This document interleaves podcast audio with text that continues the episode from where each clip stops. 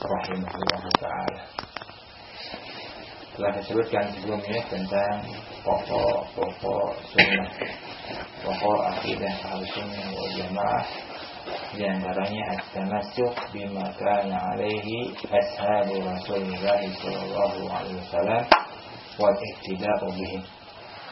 Berpegang teguh terhadap apa yang ada pada sahabat Rasulullah sallallahu alaihi wasallam dan mengikuti mereka. Nah, yang berikutnya di antara prinsip akidah ahli sunnah wal jamaah disebutkan oleh Imam Ahmad wa tarkul bid'ah wa kullu bid'atin dhalalah.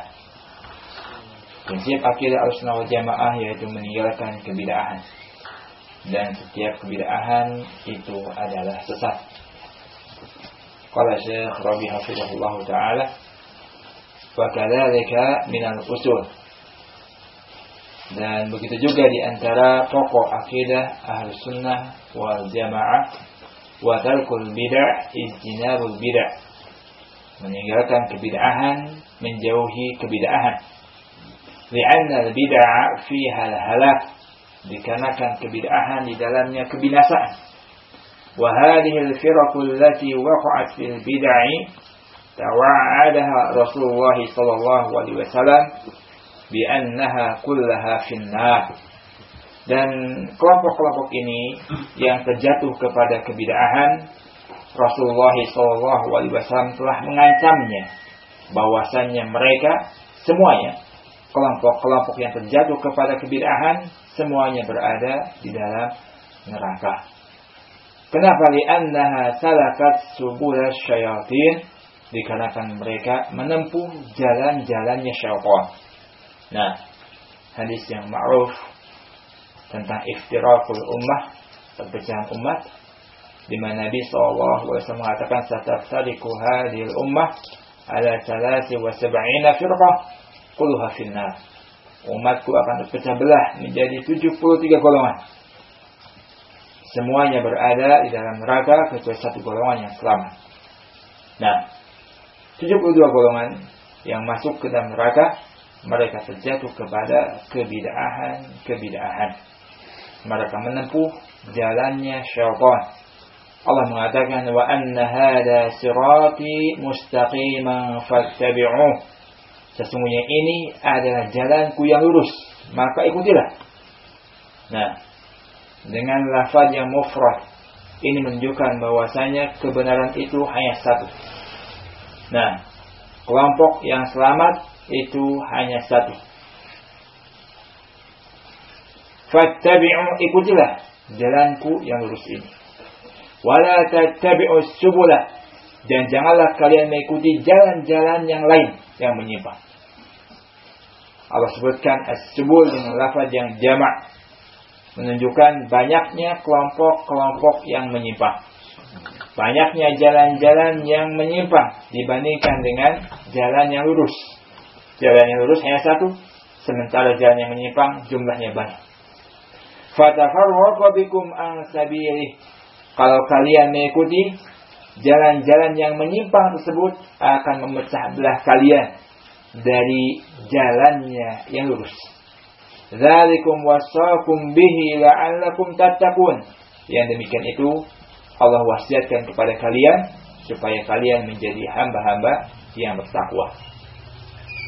Qala syafidahullah ta'ala khatta Rasulullah sallallahu alaihi wasallam khattan mustaqiman wa qala hadha siratullah.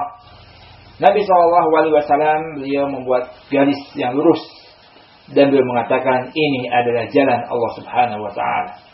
ثم خط عن يمينه وعن شماله خطوطا وقال هذه السبل على كل سبيل شيطان يدعو إليه Kemudian Nabi SAW membuat garis dari samping kanannya dan samping kirinya jalan yang lurus.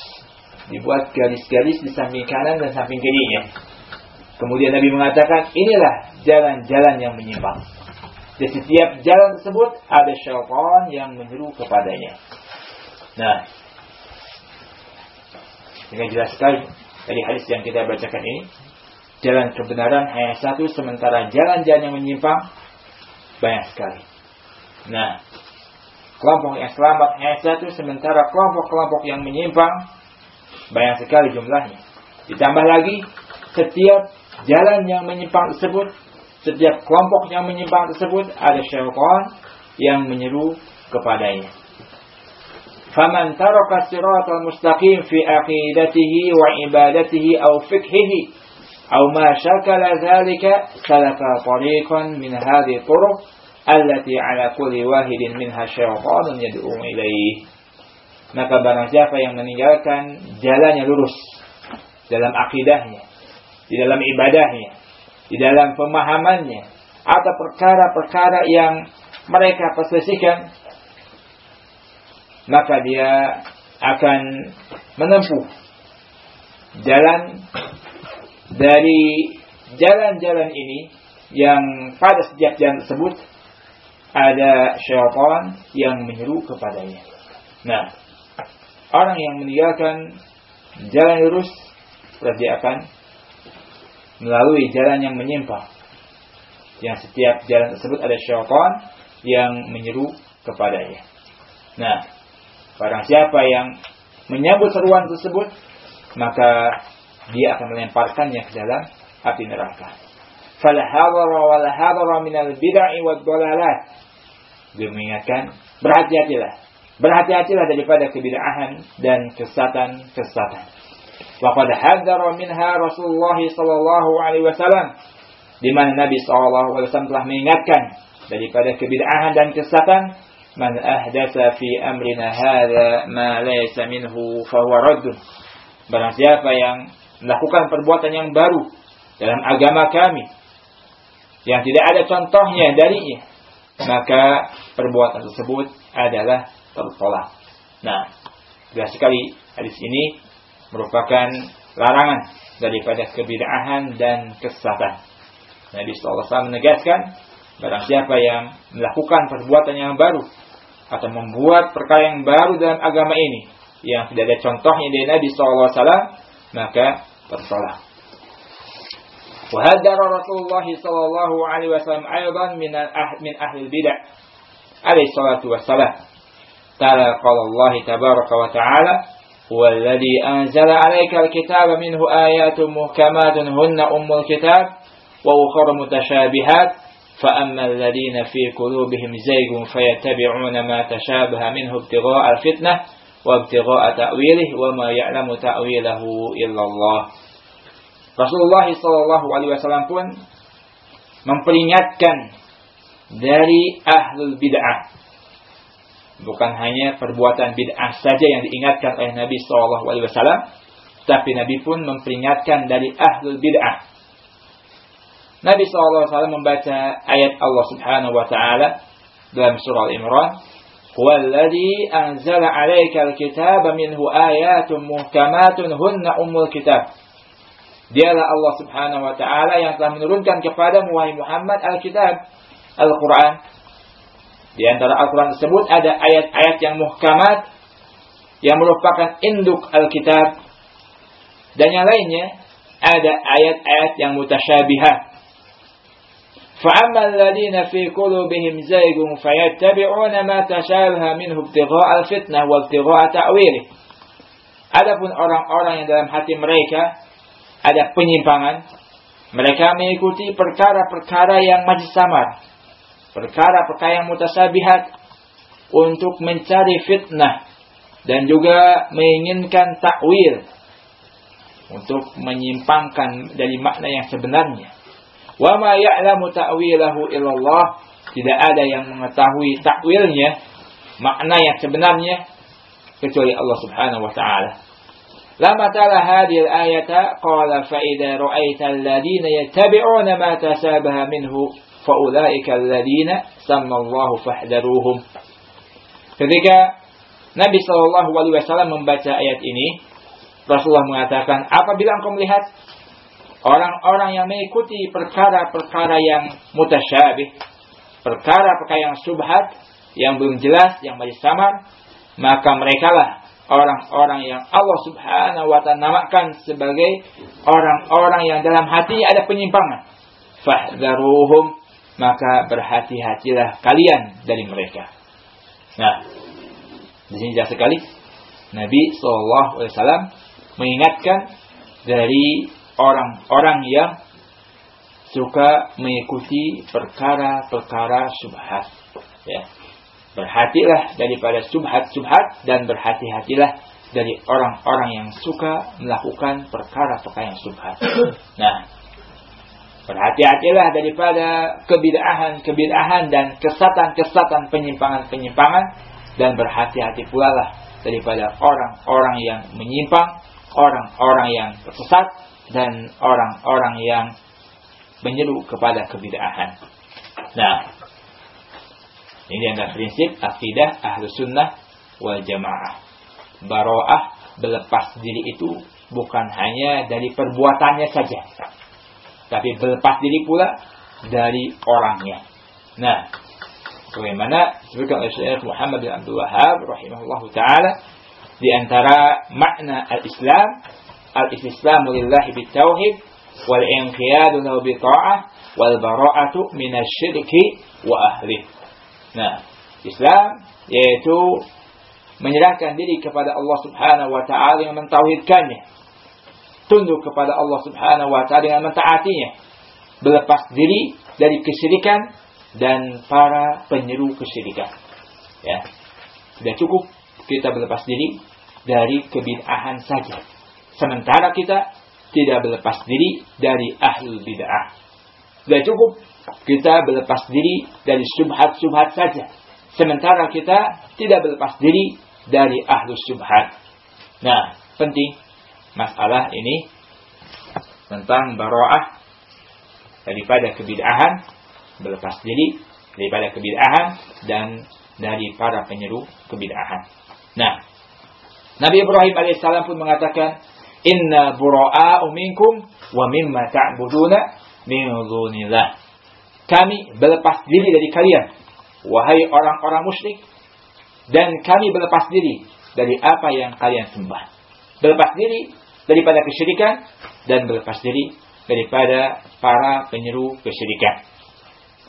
Qala hafizahullah taala wallahu bayyana anna man fi qulubihim zaygun yataqassaduna al-fitan.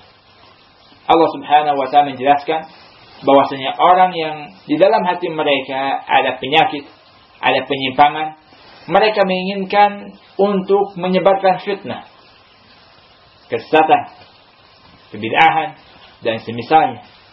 فأما الذين في قلوبهم زيغ فيتبعون ما تشابه منه ابتغاء الفتنة Maka adapun orang-orang yang dalam hati mereka ada penyimpangan, mereka mengikuti perkara-perkara yang subhat, perkara-perkara yang samar, apa tujuannya? Untuk mencari fitnah, untuk menyebarkan kesesatan, kebid'ahan, dan semisalnya. فلا تجد مبتدئا إلا وهو يتتبع المتشابهات من كلام الله تعالى أو من كلام رسوله صلى الله عليه وسلم أو من كلام علماء الإسلام tidak engkau dapatkan seorang ahli bid'ah melainkan dia mengikuti perkara-perkara yang samar perkara-perkara yang subhat baik dari ucapan Allah Subhanahu wa taala atau ucapan rasulnya atau ucapan para ulama Islam. Nah, ini orang-orang yang menyimpang. Mereka mengikuti perkara-perkara yang mutasyabihat. Nah, baik dari ayat-ayat Allah Subhanahu wa taala dibenturkan satu ayat dengan ayat yang lainnya. Padahal sebenarnya ayat tersebut tidak bertolak belakang. Tapi mereka benturkan. Nah, ayat yang muhkam dengan ayat yang mutasyabihat atau mereka membenturkan antara ucapan Rasulullah SAW dengan ucapan yang lainnya atau membetulkan antara ucapan para ulama Islam yang sifatnya masih global dan semisalnya. Ini adalah prinsip-prinsip ahlu bid'ah yang hendaknya kita waspadai. Apa tujuannya? Liyudillan nas fi dalika bimisli hadhi subuhat allati yatatabba'uha. Untuk menyesatkan manusia dalam perkara tersebut dengan subhat-subhat yang seperti ini yang mereka ikuti. Nah, menyesatkan manusia dengan subhat-subhat. Yang namanya subhat itu rancu. Sama. Nah, manusia yang tidak memiliki keilmuan yang kokoh ini bisa mengikuti perkara yang subhat sehingga terjatuh kepada penyimpangan-penyimpangan dan kesesatan-kesesatan. Nah, wahada amrun waqi'un fil qadim wal hadis. Dan ini perkara yang terjadi fil qadim wal hadis pada masa lalu dan juga masa sekarang ini. Fala sara munharifan an manhaji ahli sunnah wal jamaah illa wa huwa yattabi'u hadhihi subuhat. Engkau sudah melihat seorang yang menyimpang dari manhaj ahli sunnah wal jamaah melainkan dia mengikuti subhat-subhat ini. Ya. Orang yang menyimpang dari akidah ahli sunnah wal jamaah dikarenakan mereka mengikuti subhat-subhat tadi. Nah, Yuqdifa fi qulubin nas al-fitan mala asab sadid.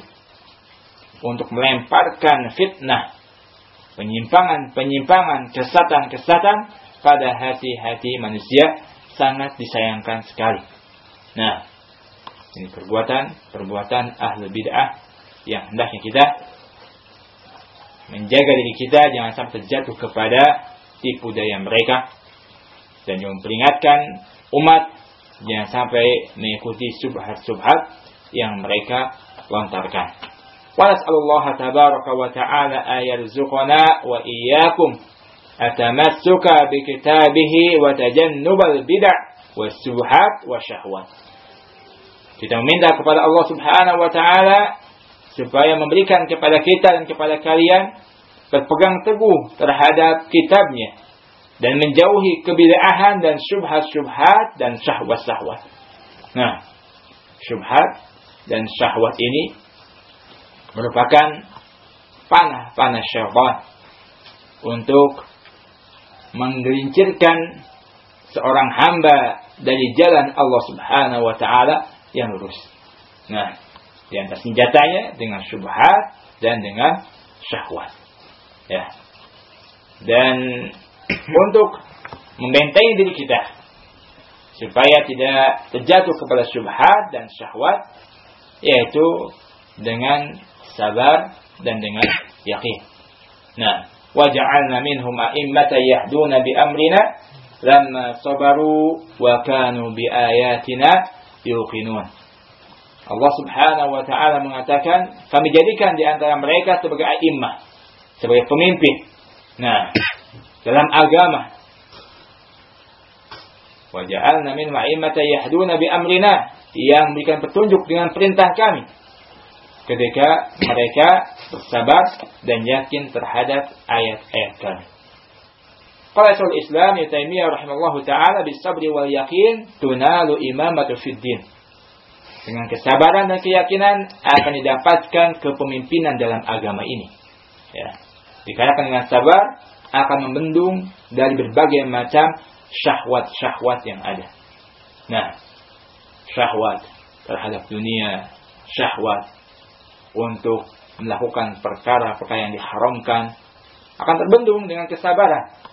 Tatkala kita sabar dalam melaksanakan perintah Allah Subhanahu wa taala, sabar di dalam menjauhi larangan Allah Subhanahu wa taala, sabar di dalam menjalani takdir Allah Subhanahu wa taala, ini akan membendung, membentengi kita dari berbagai macam syahwat-syahwat.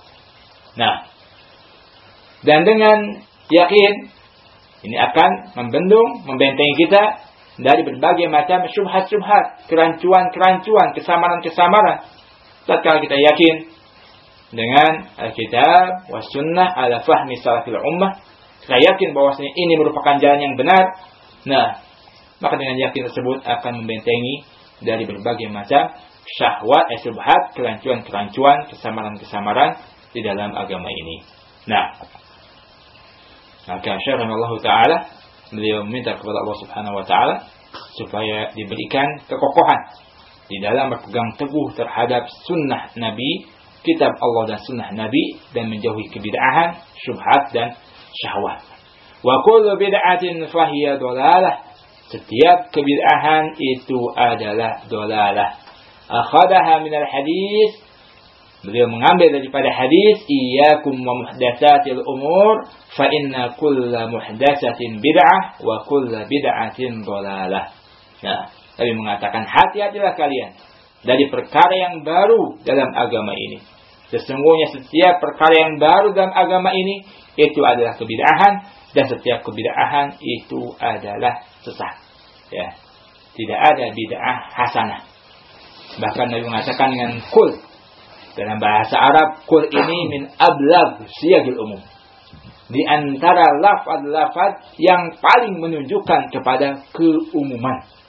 Nah, yang mana lafad yang umum ini tidak dikhususkan kecuali dengan adanya pengecualian.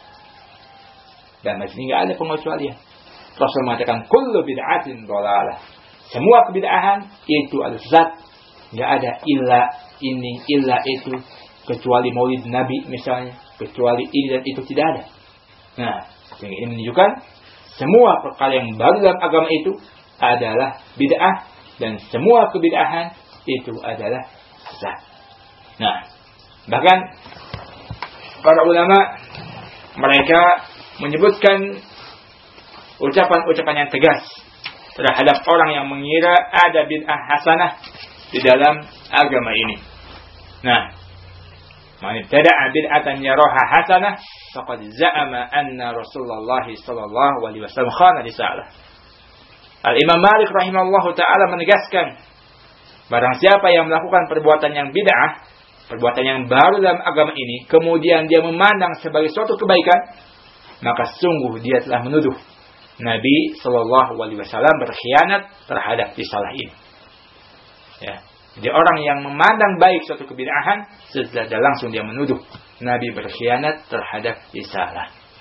Nah, Nabi masih menyembunyikan, Nabi menutup-nutupi, tidak menyampaikan semuanya. Padahal Allah mengatakan, Al-yawma akmaltu lakum dinakum wa atmamtu alaikum ni'mati wa raditu lakum al-islam madinah pada hari ini telah aku sempurnakan untuk kalian agama kalian dan telah aku sempurnakan nikmatku untuk kalian dan aku ridho Islam sebagai agama kalian. Telah sempurna agama ini.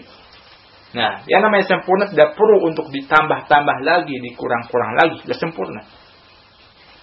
Nah, kata Imam Malik, perkara yang pada hari tersebut bukan merupakan agama, pada zaman Nabi SAW yang bukan merupakan agama, pada hari ini pun bukan merupakan agama. Nah, dikatakan Nabi menyatakan dalam hadis yang lain, diriwayatkan Imam Al-Tabrani dari sahabat Abu Dhar, "Ma baqiya syai'un yuqarribu ila jannah wa yuba'idu minan nar illa waqad buyyina lakum." Tidaklah tersisa sedikit pun suatu perkara pun syai'un. Ya, tidak tersisa suatu perkara pun yang mendekatkan kepada surga, menjauhkan dari api neraka, melainkan telah dijelaskan semuanya kepada kalian. Telah dijelaskan semuanya. Tidak ada yang tutup-tutupi oleh Nabi Shallallahu Alaihi Wasallam. Tidak ada yang sembunyikan oleh Nabi Shallallahu Alaihi Wasallam. Kalau ada tiba-tiba orang yang melakukan perbuatan yang baru dalam agama ini, menganggap ini baik, berarti dia telah menuduh Nabi Shallallahu Alaihi berkhianat dan masih ada yang sembunyikan oleh Nabi Alaihi Wasallam sungguh kelancangan. Nah, Ibnu Umar radhiyallahu taala anhu beliau mengatakan Kullu bid'atin dalalah wa in yaraha nasu hasan. Setiap kebid'ahan itu ada sesat walaupun manusia menganggapnya suatu kebaikan. Nah, tidak ada bid'ah hasanah dalam agama ini. Semua bid'ah sesat berdasarkan sabda Nabi Shallallahu Alaihi Wasallam. Nah, dengan lafaz yang sangat jelas sekali.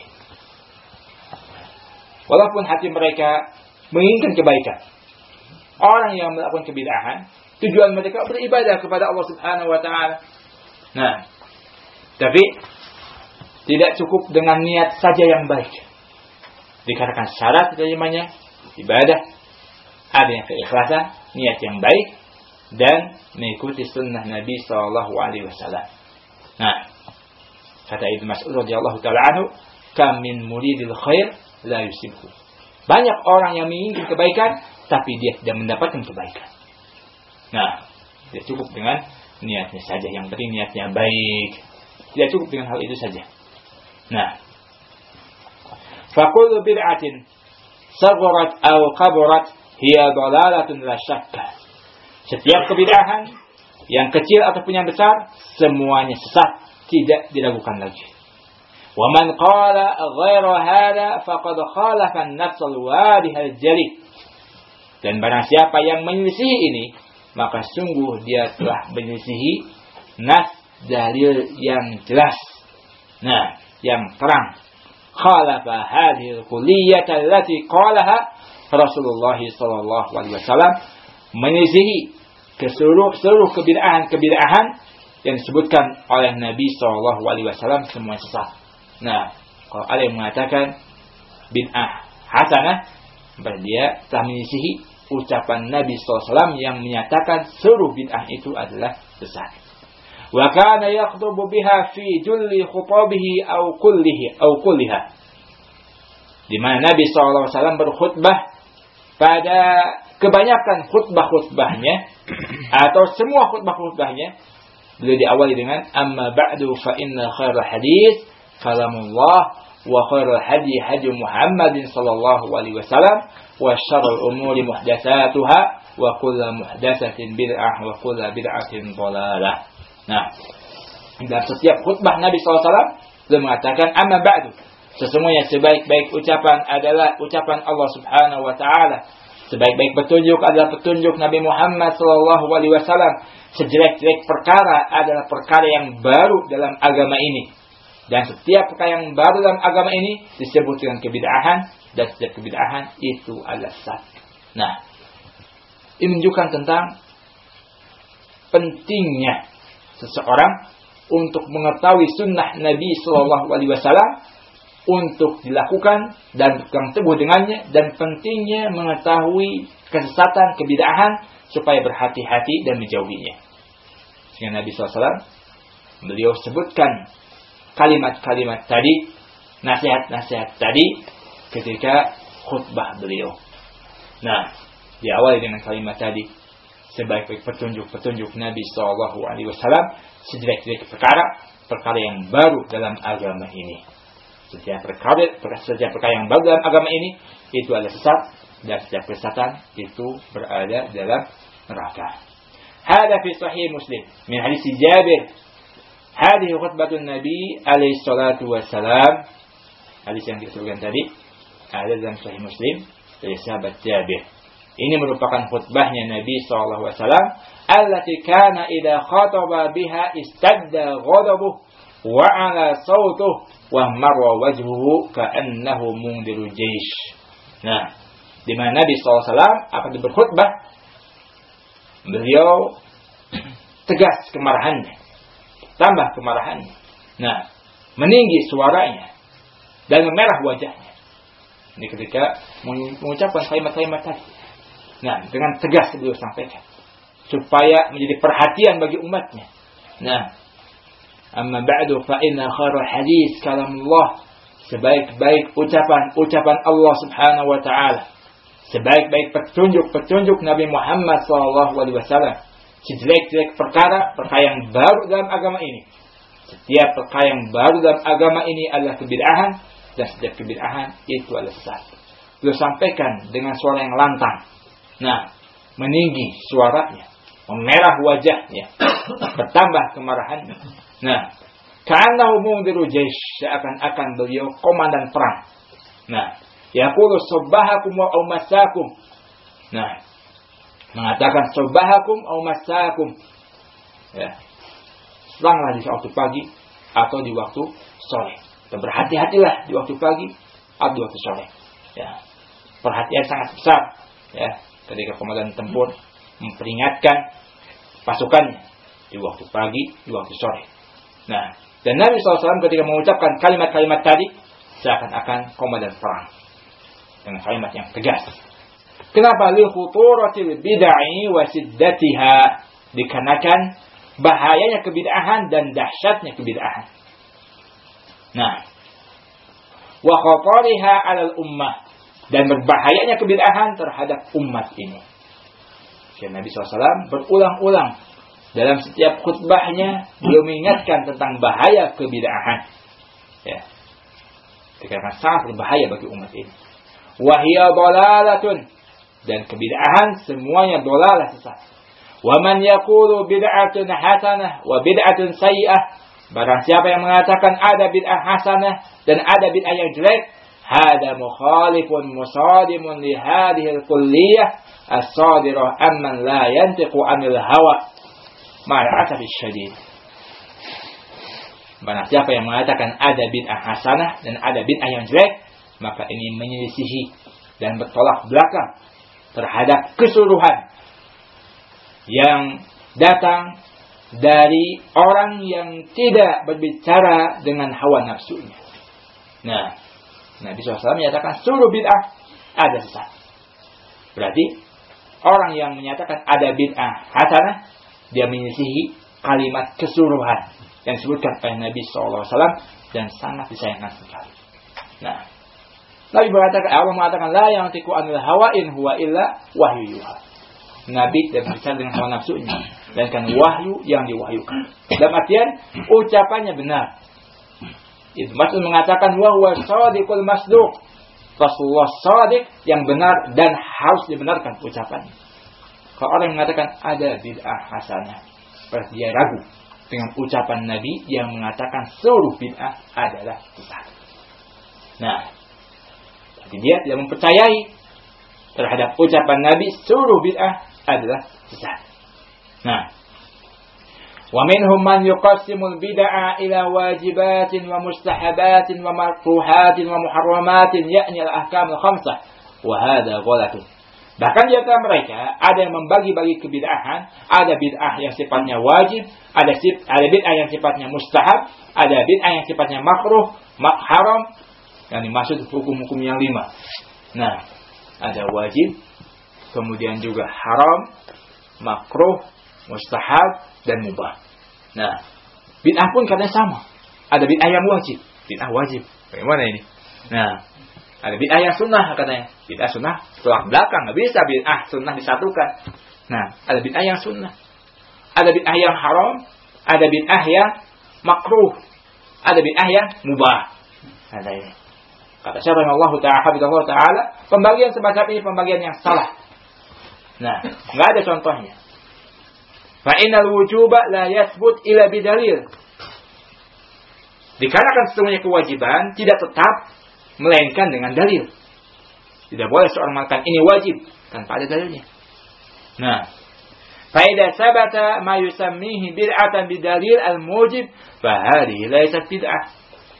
Maka apabila tetap ada, nah, ada mayusamihi bid'ah yang nama dinamakan bid'ah dengan dalil yang mewajibkan, maka ini bukanlah kebid'ahan. Ya. Kalau ada dalil yang mewajibkan suatu perkara, maka hukumnya bukan bid'ah yang wajib, hukumnya wajib. Tidak bisa disebutkan ini bid'ah yang wajib.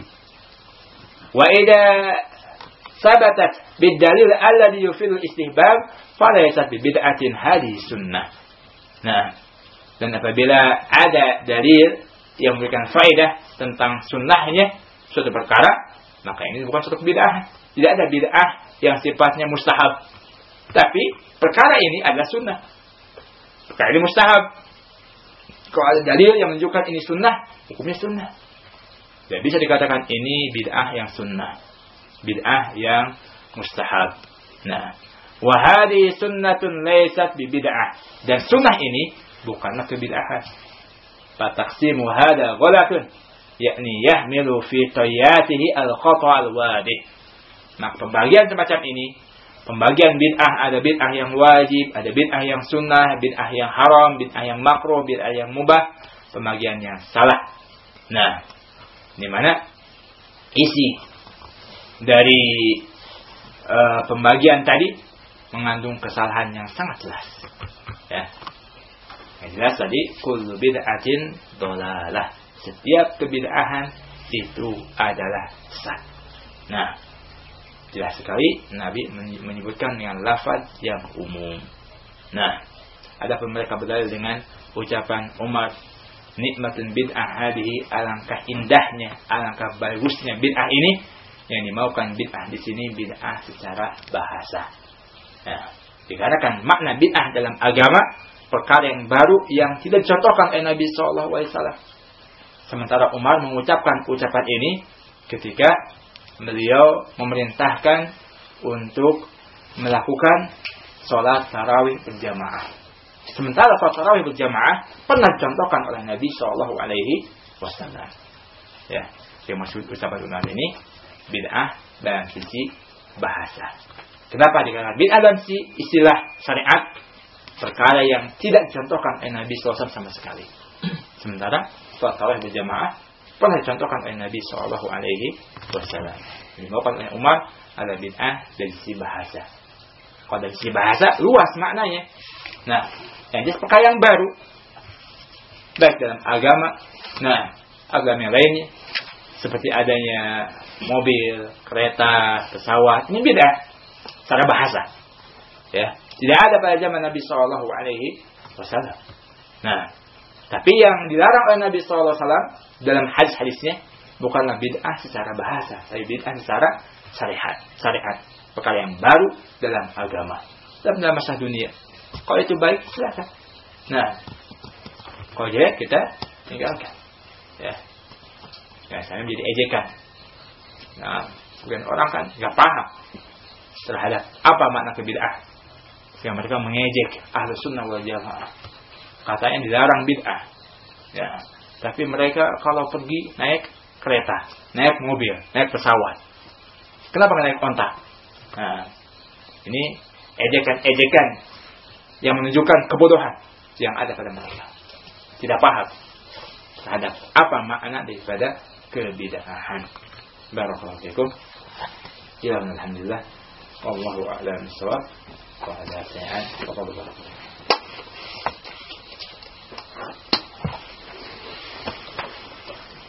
Baru dua ya. Di antara usul ahli sunnah.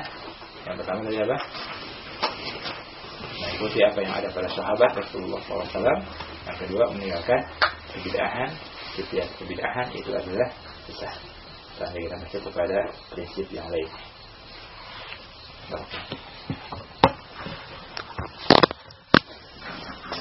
Apa ya? Tanggal sebelah.